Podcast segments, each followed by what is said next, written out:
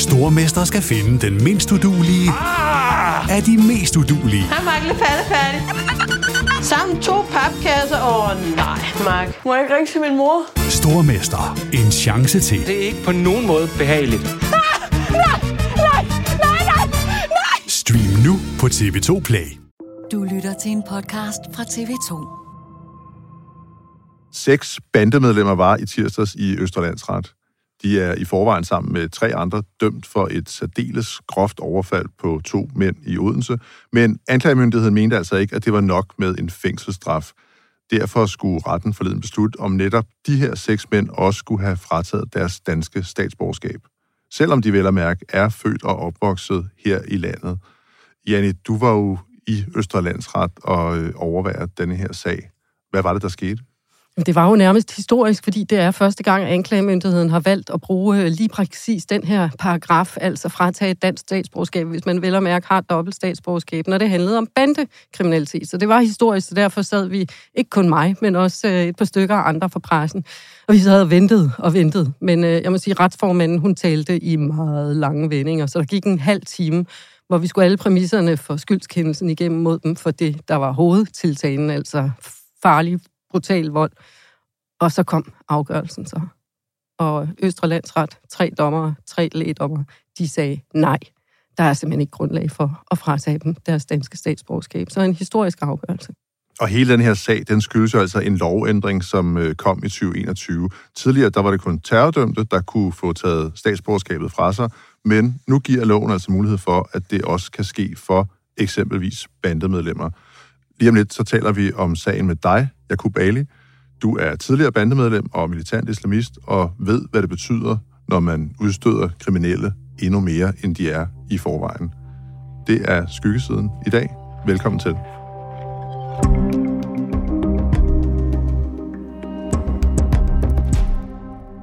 Men Janne, nu fik de jo så lov til at beholde deres øh, statsborgerskab, de her seks øh, unge bandemedlemmer fra Odense. Hvad er det egentlig, de er dømt for? Jamen, De er dømt for lægemesangreb af særlig rå, brutal eller farlig karakter, som det hedder i paragraf 245 i straffeloven. Og du har jo læst dig lidt ned i anklageskriftet, Carsten, så du kan jo fortælle lidt mere om, hvad der var, der skete på Dannebrogsgade ved Odense Banegård. Det var den 13. januar sidste år. Hvad var det, der skete? Jamen, det var jo et særdeles øh, groft og, og brutalt overfald, der fandt sted. Øh, det sker lige før kl. 11 øh, om aftenen, at øh, tre biler ankommer til stedet, som du siger, det er lige foran øh, banegården i øh, Odense. Øh, I de her tre biler, der sidder der øh, en flok maskerede bandemedlemmer fra den gruppe, der kalder sig for NBV, og som mm. politiet også kalder NBV. Det står for øh, Nyborgvej øh, hvor de altså kommer fra. Øh, og øh, ud fra bilen springer de her maskerede folk og overfalder to folk inde på fortoget, som de mener altså er nogle af deres rivaler fra den øh, vores mosegruppering, der bliver kaldt for 900. Og under det her overfald, der bliver den ene mand jo stukket flere gange. De bliver begge to slået adskillige gange på kroppen. Den ene bliver også stukket. Hans lunge kollapser, og han får altså også beskadiget i buhulen.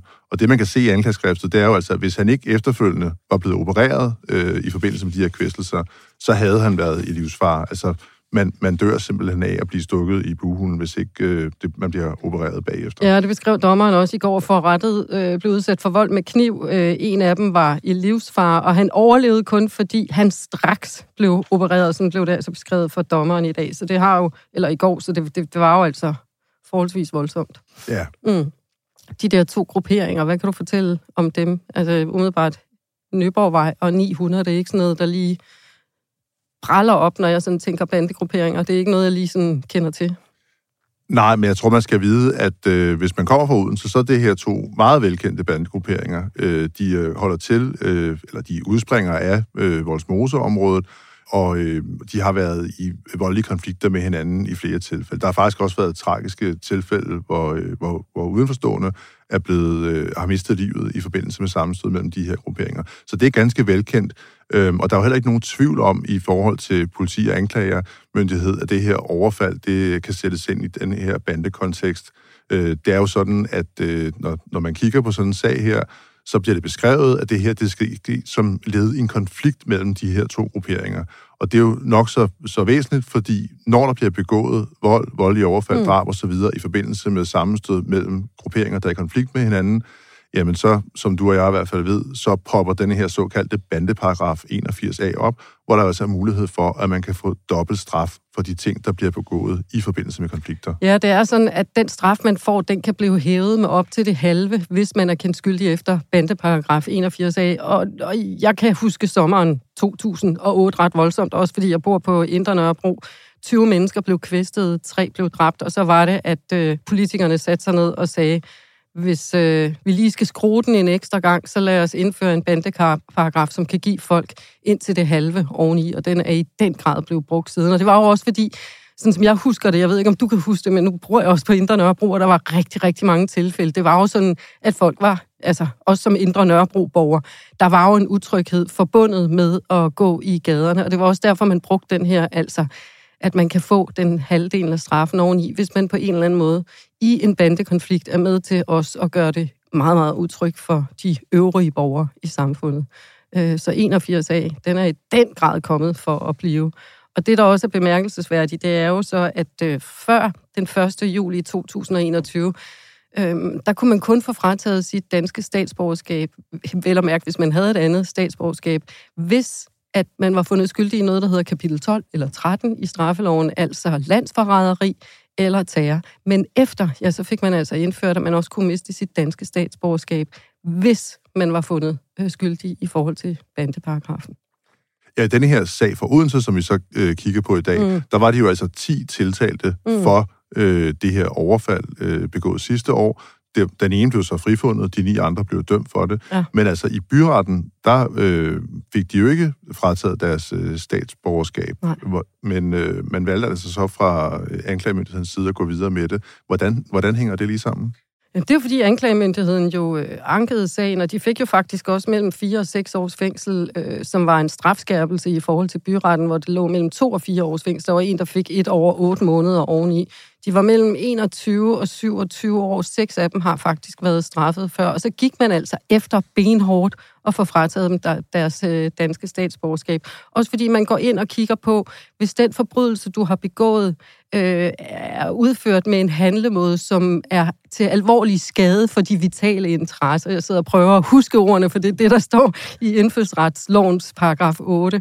8b. Så øh, det var ligesom det, man gik efter. Og det var også derfor, vi sad så mange derinde, simpelthen fordi, at det kunne ende med at blive historisk, altså første gang, at man fik frataget sit danske statsborgerskab efter at være blevet kendt skyldig for noget, der var i strid med bandeparagrafen. Men øh, det skete altså ikke. Og Jacob Ali, så øh, retter jeg blikket mod dig. Øh, du er foredragsholder, og velkommen til i øvrigt. Tak for det. Du har som sagt selv været involveret i, øh, i bandekriminalitet, og du er også øh, tidligere dømt for at have tilskyndet til terror. Øhm. Der er måske mange, der sidder og tænker, hvordan tør I have ham herinde? Men, men vi kan sige, at vi kender dig efterhånden rigtig godt, fordi dit liv er blevet du har... væsentligt anderledes, efter du har udstået din sidste straf. Øhm, og med det på plads, øhm, så kunne jeg godt tænke mig at spørge dig om, altså med den øh, meget personlige viden, du også har øh, på det her område, hvad vil det have betydet for dig og dem, du færdedes med øh, dengang, hvis der hang den her øh, mulighed eller risiko og svævede over jeres hoveder, altså at man kunne miste sit statsborgerskab, for eksempel for at deltage i bandekriminalitet? Jeg tror, at, at den ville have haft en effekt over for dem, som ikke alligevel turde at gå hele vejen. Øh, det vil sige, og sådan er det med alle bandegrupperinger, at du har nogen, som tør at gå hele vejen, og slet ikke tænker sig om konsekvenserne. Øh, og så har du nogen, som er sådan halvt-halvt. De kan godt være med til en slåskamp, allerhøjst en, en, en, en kniv på sig, men de tør aldrig at skyde. Øh, så er der nogen, der kun vil, vil holde sig langt væk fra alt, der hedder vold. De vil kun tjene penge. Øh, så jeg tror, at, at dem i midten der, kunne det måske godt have det, men okay, jeg skal være virkelig være påpasselig, fordi selv nu med en kniv kan jeg få, kan jeg blive sendt ud. Men jeg tror for dem, som gerne vil gå hele vejen, og, og, og der var jeg selv en af dem, der, der vil ikke have haft noget, nogen, nogen effekt. Jeg har haft mange venner, som har haft øh, ikke bare en eller to flere betingede udvisninger. Og det er jo med betingede udvisninger, det er jo altså, at de bliver bundet til den, den, den præcise voldsdom, du begår. Så det vil sige, det skal være den samme, du begår en gang til, før det kan blive øh, til, øh, til, øh, til ubetinget. Og de havde aldrig sådan tænkt, okay, øh, jeg, jeg skal være påpasselig næste gang. Øh, jeg skal ikke bruge, begå mere vold, og så videre, og så videre. Fordi når man er inde i det i det øjeblik, så, er, så lever man i en, en verden separat og langt væk. Mm. Og mentalt langt væk fra, det om, fra omverdenen. Og nogle gange vi, har, vi har svært ved at kunne sætte os ind i, hvad er det, der får den her unge til at begå, øh, de her unge til at begå lignende handlinger, hvor de slet ikke tænker over, hvad, at det kan betyde, at han bliver stemt ud. Det er faktisk det samme måde, når, når du er derinde, og de kigger på resten af samfundet. Det er præcis den samme psykologisk øh, tankegang, der kører. Det er, at de tænker også, hvordan kan de leve sådan her, og være så ligeglade, og, og bare Men hvordan tro, kan man det? Prøv at tage os med ind i miljøet. Vi ved, at du kom til Danmark fra Irak. Din far kom først herop, og så, øh, så øh, var der en invasion af Irak, og så kom du herop med, med din familie. Du kom øh, fra et, et område i Irak, hvor du var vant til at se beskydninger og, og, og voldshandlinger hver dag. Hvad var det, der skete, siden at du kunne havne i sådan et miljø? Fordi mange vil måske tænke, okay, nu kom du op til rolig i Danmark, mm. men hvad var det, du havde med, med dig, som gjorde, at du var i stand til at begå dig i sådan et, et voldsmiljø? Jamen, der er forskellige ting. Jeg tror, jeg, jeg plejer at dele det op i tre. Den ene er, at, at det her miljø kom, giver dig noget, du ikke kan få andre steder. Og hvad og, var det? Og det for mig, det var fællesskab. Det var et fællesskab, et brødreskab, øh, som for mig var ægte. Det her med, at, at vi går så den, de, de, altså en, et par meter ekstra for hinanden. Øh, det er det ene. Det andet er, at, at du føler, du skylder folk noget, for de har også gjort noget for dig.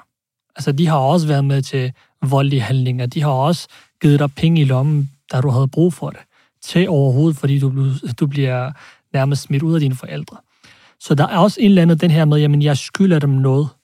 Og nummer tre er, det er, at altså, frygten for, at hvis ikke jeg gør noget, så bliver der gå noget, gå, øh, bliver begået noget imod mig den er også rigtig mange gange med til at, at, at, at trigge og, og starte den her voldshandling. Jamen prøv her, det er enten mig eller dem.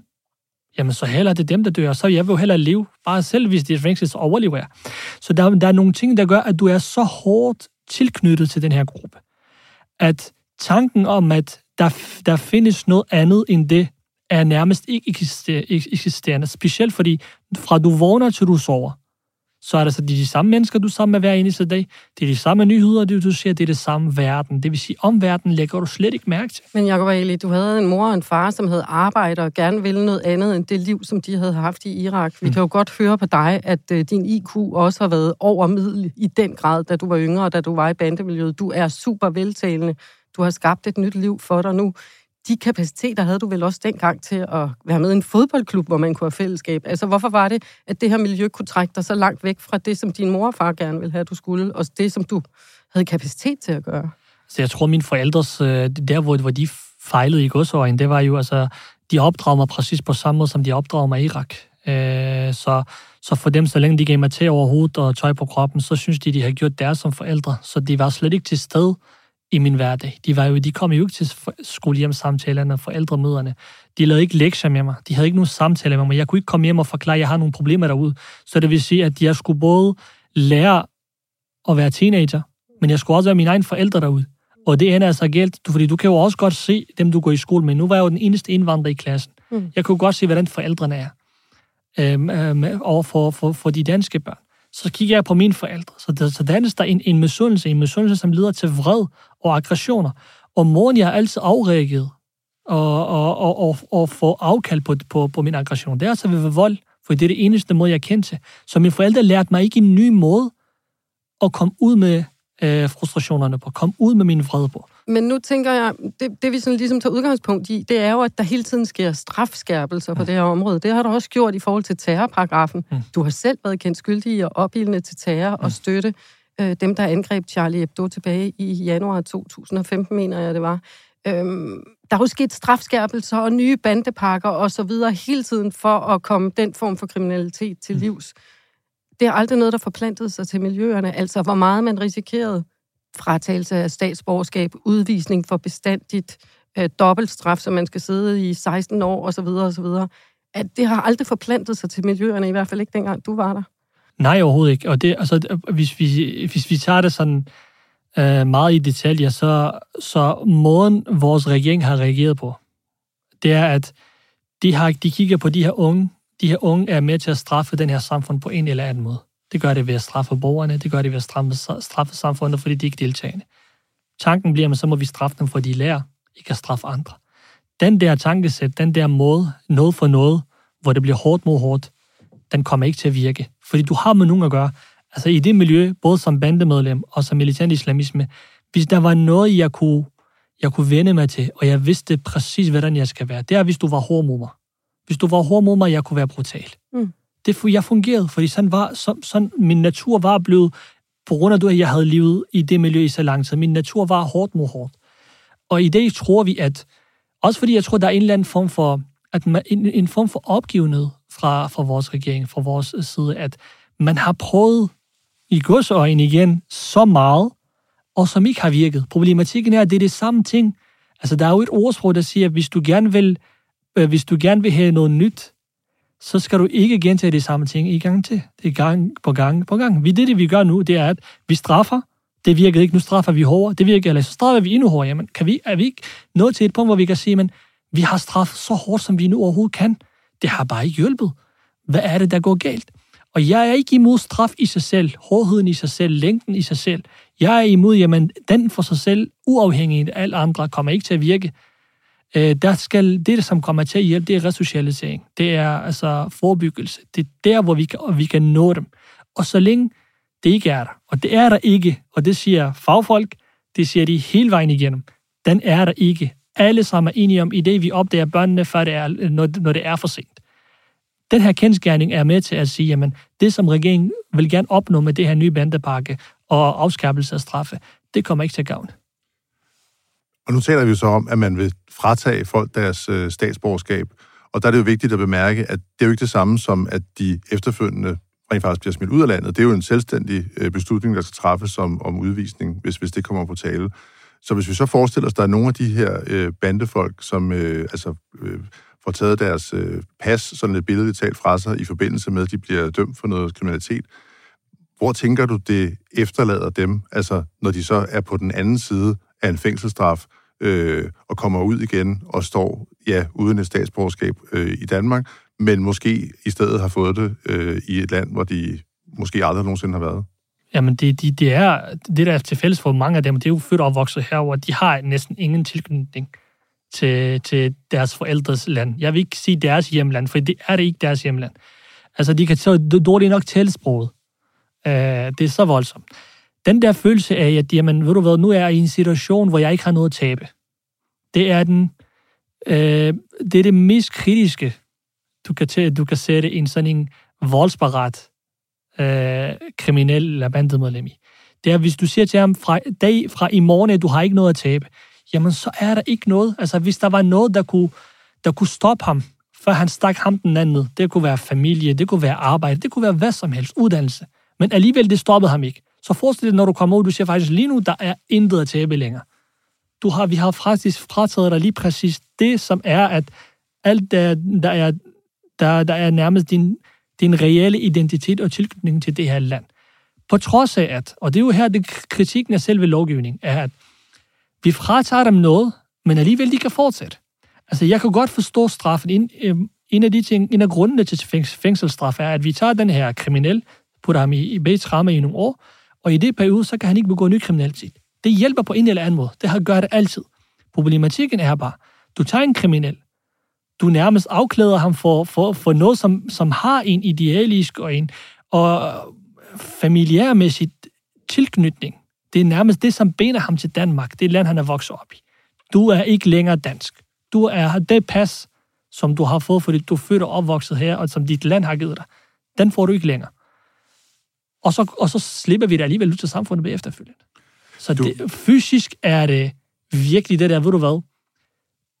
Øh, narrativet om, at de ikke vil mig, det passer.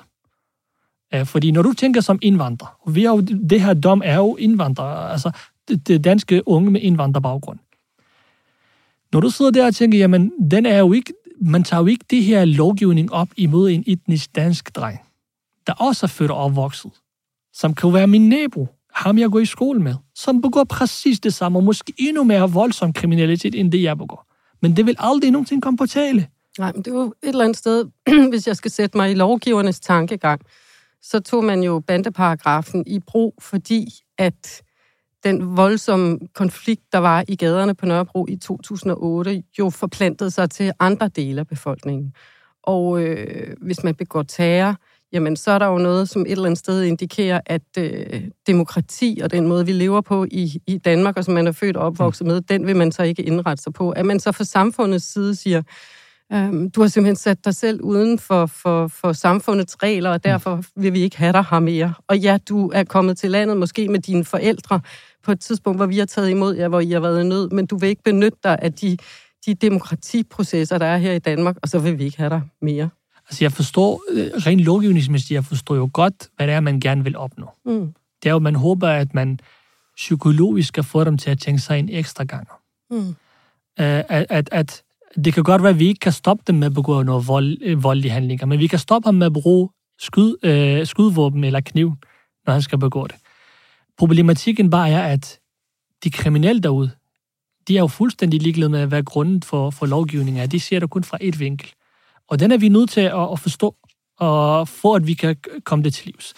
Øh, og så, så må vi jo se, altså jeg tror, jeg tror ikke på, at det er noget lignende, som i sidste ende er afgørende for, om de her unge, de stopper med kriminalitet. Jeg tror, det er noget helt andet, som jeg ikke føler, vi sætter så meget fokus på. Fordi det her, det giver jo, altså, for mig handler det mange gange om de her lovgivninger om, om, om at rapportere, at vi har, vi har lavet noget. Mm.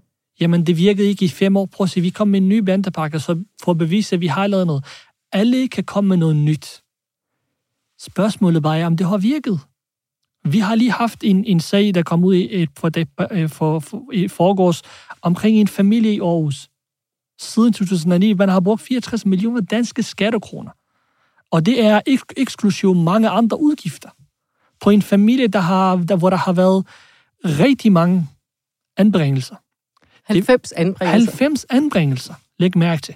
Jamen, er det ikke gået op for de fagfolk, der har siddet og arbejdet med den her familie, at det, hvis ikke efter første, anden og hvis ikke heller ikke efter 10 anbringelse, at det går op for dig, det er ikke anbringelsen, der er problemet. Altså, vi anbringer dem bare, så fortsætter vi bare i de samme ting, og så har vi en rapport i det, der siger, jamen, og vi har jo ingen bekræftelse på familien i det, i det ikke er samme sted, som de var for fem år siden. Så det, du siger, den historie i Aarhus er selvfølgelig noget andet, men det du siger, det er, selvom vi laver strafskærpelser, selvom det koster mere at gå med kniv, og selvom det koster meget mere at gå med våben, end det gjorde for bare 10 år siden, mm. selvom du risikerer at blive udvist, hvis du bliver kendt skyldig i terrorparagrafen, bandeparagrafen, selvom du risikerer at miste dit danske statsborgerskab, så er det ikke noget for planter sig der. Altså, det er ikke i de kriminelle miljøer, hvor man siger, wow, det ikke her sig selv. ikke. Ikke for sig selv, hvor man siger, men det er nok til, at det kommer til at gøre det. Det tror jeg ikke. Jeg tror, vi skal også arbejde meget mere øh, med, med, med rigtig mange andre ting, hvor vi kan gå ind, beskæftigelse er det bedste, få dem væk fra de områder, bedre samarbejde med forældrene. Jeg er, jeg er altså jeg vil sige, vi skal være hårdere imod forældrene. Lære dem, på her, enten du, vi kan godt se, hvor din unge er på vej hen, hvor din dreng er på vej hen. Hvis ikke du selv kan se det, så er vi nødt til som samfund og som kommune komme ind og træde til. Det vil sige, nu giver vi dig en mulighed til at flytte væk herfra, for det er det eneste, som kommer til at hjælpe din unge, hvis du virkelig elsker din søn. Så det vil sige, der er nogle ting, hvor vi er nødt til at gå ind og arbejde. Altså, det er svært at hjælpe de unge. Det var svært for mig at hjælpe mig væk fra bandekriminalitet, fordi jeg boede i Frederikssund på Hamdelsvej. Når jeg vågnede op og kom ud af min dør, så var det dem, jeg så, og de var de sidste, jeg sagde farvel til. Og så kunne der være hvad som helst af, af, hjælp fra kommunen, og det ene og det andet. Det vil ikke have hjulpet, for det er de samme mennesker, jeg ser lige så snart jeg er færdig med min samtale med kommunen. Og vi, der er nogle andre ting, vi skal sætte fokus på. Og det synes jeg bare ikke, at vi gør nok. Jeg er nødt til at sige, at før vi startede med denne her samtale, før vi tændte for mikrofonerne, der talte vi jo om, at du faktisk er et eksempel på, at det også nogle gange kan hjælpe at komme i fængsel. Mm. Du er jo faktisk, øh, skal man sige, kommet ud af fængslet som et, øh, et, et nyt menneske, og er øh, gået fra det, som du selv kalder øh, modborger, øh, fra at være modborger til at være, være medborger. Hvad var det, der virkede for dig? Det var faktisk små og simple ting. Altså læg mærke til, når, vi snakker, når jeg snakker om fængselsstraf, så siger jeg ikke, at fængselsstraf ikke hjælper. Øh, overhovedet ikke. Men for hver eksempel, vi kan finde, kan du også finde et eksempel, der modsiger det, hvad angår fængselsstraf. Det, der hjalp mig, det var samtalen. Det, der hjalp mig, at jeg for, for første gang, et, det her med, at jeg var væk, det hjalp også rigtig meget. Det vil sige, det var ikke de samme øh, venner, jeg så, da jeg kom ud med min samtale med socialrådgiveren, eller eller de, øh, de ansatte dagen. Det var altså mig selv. Jeg var inde i et rum. Tanken og, og, og, og de ting, de havde plantet i mig, fik lov til at gro stille og roligt. Og jeg begyndte selv at have de her samtaler med mig selv. Jamen, det er jo rigtigt, hvad de siger. Det er jo rigtigt, hvad de gør. Jeg kan ikke fortsætte på den her vej. Så det var små og simple ting, men fordi jeg var det rette sted, jeg var væk fra mit miljø, at det tog ikke mere end fem måneder. Og jeg garanterer for, altså, i forhold til, hvor jeg var hen, hvilken position jeg havde, og hvad jeg havde lavet før. Og det vil jeg gerne lige sige, Jørg Bailey, fordi ja. vi mødte hinanden første gang ved retten i Frederiksberg. Det har været i 2015. Boghandleren fra Brøndshøj, Said Mansour, han havde i 2007 fået 3,5 års fængsel mm. for at opildne til terror gennem sit forlag Nur al-Islamic Information. Mm. Så går der nogle år, så bliver han anholdt igen, bliver dømt fire års fængsel for opildne til terror, og han er faktisk den første, der får frataget sit danske statsborgerskab. Så det var en historisk afgørelse, der fandt der. Hvem var det, jeg mødte ude foran retten i Frederiksberg, som øh, nærmest var talsmand for kaldet til islam? Det var mig. Ja, og hvordan havde du det dengang? Altså, jeg var rigtig vred. Ja. Jeg så jo det her som en kamp imod islam og muslimerne. Øh, og på trods af, at jeg rigtig godt kunne lide dig, Janne, det er også derfor, kunne jeg... du det? det jeg, jeg, kunne, altså, jeg vil sige som journalist, jeg havde ikke det samme fordom om dig, som jeg havde med andre. Det var også derfor, jeg snakkede med dig mm. den dag. Men det klart jo, altså, jeg havde en hel ideologi at gå efter. Så ja, jeg tror... Trodsede, du talte på mig i tre og en halv time, så sagde jeg, hvad, vil du med for en fjernsyn, så du kan åbne lidt op for alt det, du ja. har at sige? Nej, det vil du ikke. og så du går også, jeg ringer til dig efterfølgende og siger, jeg vil ikke, at interviewet bliver, bliver udgivet. Øh, jeg vil gerne, at du, du, du sletter den. Fordi... Jamen, der var ikke noget interview, vi stod bare og talte sammen. Ja, ja. Jamen, okay, men så... Øh, jeg tror, men du var nervøs for, at jeg stod og optog dig? Jeg, jeg, var, altså, jeg stod ikke på, på, på, på nogen sammen, men det er jo en del af den ideologi, og den, den måde, man, man bliver radikaliseret i det miljø, at alle, er, alle bliver til ens fjende. Um, og det, jeg tror, du kan godt se et eksempel på, hvor langt jeg har været, er du og hvor jeg er i dag. Altså, jeg vil kalde dig fundamentalistisk islamist på det tidspunkt. Uh, det er mildt sagt. Ja. Jeg vil sige, det, det er måske meget pænere alligevel, okay, uh, i forhold til, hvad jeg vil have beskrevet mig selv. Men, men, men det kan lykkes, og man, vi kan godt. Problemet bare er, at faktisk nogle gange så er de simple ting, vi ikke sætter fokus på, altså almindelige samtaler. Problemet bare er, at de kommer ikke til at lykkes, hvis ikke, at de er væk fra deres miljø. Så fængsel er faktisk et rigtig godt sted. Problemet var med fængslerne. Et, de er overfyldte. To, der er ikke nok ressourcer. Tre, der er ikke nok menneskab. Hvem skal så gøre det? Så det vil sige, at vi sender dem til, til iblandt hundrede og tusindvis af, er, er, er mere hardcore kriminelle end dem selv. Vi fratager dem deres danske pas. De bliver vred, endnu vredere over det, fordi jeg, de gør det, fordi jeg er brun. Det er, jo, det, er jo, det, er jo, det er jo helt narrativ hos dem. Og det er faktisk interessant, du siger, det er fordi, både du og jeg, Carsten, har jo talt med nogle af forsvarerne i den her sag. Du fik en lang øh, samtale med en af dem, som jo også øh, gik ind på det her med, hvordan hendes øh, klient havde reageret i forhold til det her med dem og os og mig og dem og brun og hvid. Ja, altså vedkommende har simpelthen reageret ved at sige, at det forstår jeg ikke det her, fordi jeg er jo dansker. Øhm, og det er nok så interessant, at øh, de her seks øh, personer, som man jo så nu har prøvet at tage deres statsborgerskab fra, de var faktisk ikke engang klar over, at de var andet end danske statsborgere. Altså fælles for dem er, at de jo har øh, familie, øh, der er kommet til landet på et eller andet tidspunkt. Øh, flere af dem har jo øh, en opfattelse af, at de også har afstået fra deres øh, tidligere statsborgerskaber. Men altså så i forbindelse med, at øh, man, øh, man har efterforsket denne her sag, og anklagemyndigheden har, har grænsket i, øh, i de her personers øh, ophav, så er man altså gået helt tilbage til forældrenes oprindelseslande mm. og har spurgt øh, myndigheder der, om det nu kunne passe, at der øh, var nogle borgere med de her de navne, der var statsborgere i de pågældende lande. Og de seks, det handlede om, de var fra, oprindeligt var deres forældre fra Irak, fra Algeriet og fra Toga. Ja, fra Togo, ja. Mm. Ja, det var de tre lande, øh, det handlede om. Og det, som nogle af de her forsvarer, de jo så påpeger, det er, at øh, det er sådan en lidt, øh, hvad skal man sige, det er sådan en lidt øh, urimelig udfordring, de bliver stillet over for, fordi politi, anklagemyndigheder, de danske myndigheder i det hele taget, øh, har jo, øh, kan man sige, næsten naturligvis ressourcerne til at undersøge de her ting og få, få klarlagt, øh, hvad, hvad historikken er. Men øh, forsvarerne, de øh, giver udtryk for, at de står over for en svær opgave, sådan også retssikkerhedsmæssigt øh, i forhold til deres klienter, fordi de har jo simpelthen ikke de samme øh, ressourcer til at få, at få klarlagt, øh, hvordan de her ting de hænger sammen.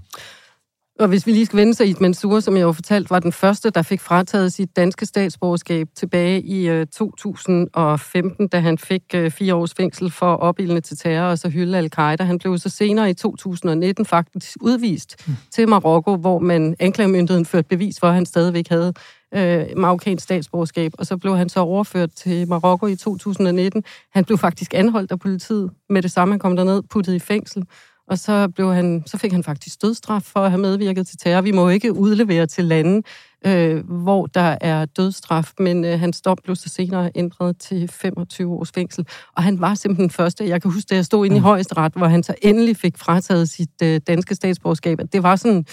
Um, altså det var, en, det var sådan en stor nyhedsdag, jeg sætter det i citationstegn, fordi det var historisk, at man gik ind. Også fordi det der med statsborgerskab er jo, øh, altså det er jo en gave. Du har jo gjort dig berettiget til at få et statsborgerskab i Danmark, og når det så bliver frataget, så er det jo også virkelig, virkelig indskrænkende. Og man kan så sige, i, i, i Østre Landsret, der gik man ind, øh, dommerne sagde, at der var betydelige afvejninger, men der var ikke i helt tilstrækkelig grad var grundlag for at sige, at nu nævner vi det igen, statens vitale interesser er alvorlig skade ved det blodige overfald. Så i hvert fald i den sag, der mente man ikke, at der var grundlag for at fratage dem deres danske statsborgerskab.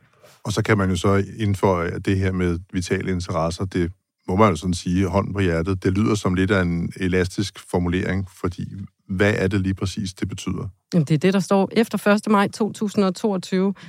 Handlinger, som er til alvorlig skade for statens vitale interesser, ja, så kan man fratage statsborgerskab. Så det er jo, jeg ved ikke om det, det er jo ikke en gummiparagraf, men, øh, men det må jo så være op til dommer og nævning og domsmandsret og nævningeting i fremtiden at finde ud af, om, om der er grundlag for det. Så selvom de fik en afvisning af sagen i Østre Landsret i går fra de tre øh, dommer og de tre øh, lægdommer, så må man sige, at med, med den her grundige afvejning, som dommeren gjorde redde for, så tænker jeg, at hvis jeg var anklager, så ville jeg da prøve at få den i højeste ret og gennem procesbevillingsnævnet, også for at få snittet, hvornår er det i strid med landets vitale interesser, når der er bandekonflikter og optøjer i gaden.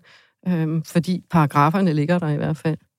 Altså, man kan jo sige, nu har vi jo dom, og nu har vi jo en sag, mm. og jeg synes også, det er yderst vigtigt. Fordi det er altså det beskrivelse, eller det, du læste op lige før, det er jo så upræcist, som det overhovedet kan være. Altså, det, det, det bliver meget svært.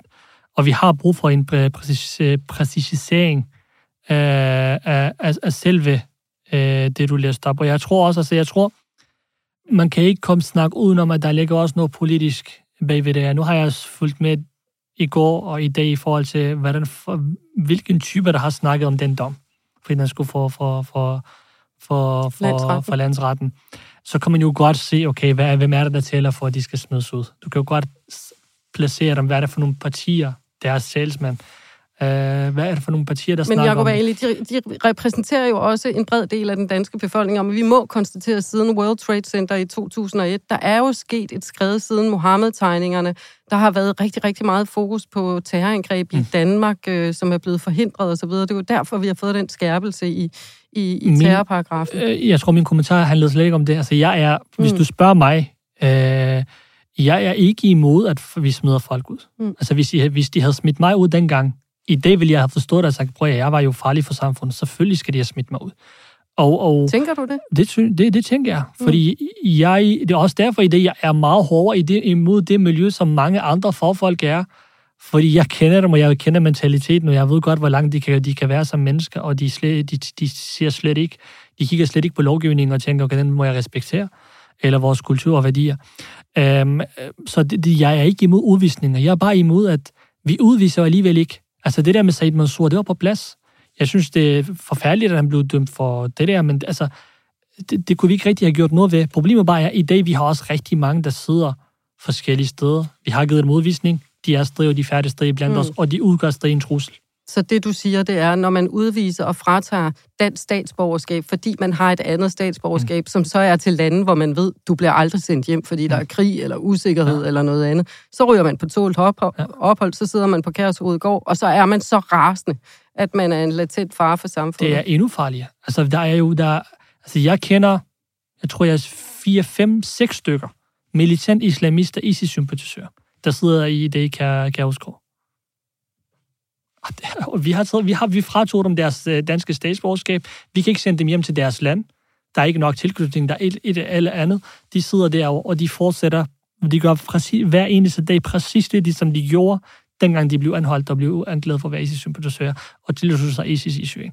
Så det er bare den del, jeg har et problem med. Hvis vi udviser dem, så udviser dem ordentligt. Hvis ikke vi gør det, vi skifter bare adresse, gør dem endnu mere vred, og så siger vi, du skal bare melde dig til, på, på, på, på, på dit værelse kl. 11 om aftenen, ellers gør, hvad der passer dig. Ja, og de seks personer fra øh, sagen øh, fra Odense, de er altså dømt for banderelateret vold og har fået mellem 4 og 6 års fængsel. De har så ikke fået frataget deres statsborgerskab, men de har jo fået forbud mod at opholde sig i Odense Kommune de næste fem år. Jakob Ali, tusind tak, fordi du var med her. Det blev lidt politisk, men også sådan en, en, en god råd fra en mand, der har både, været både i bandekriminalitet og også har været en del af det fundamentalistiske, meget radikaliserede islamistiske miljø. Selv tak. Og dermed altså ikke mere skyggesiden for i dag. Jeg hedder Carsten Norsen, og du hedder Janne Petersen. For lyddesign, der står Leo Peter Larsen, og redaktør er Amanda Heiberg Boberg.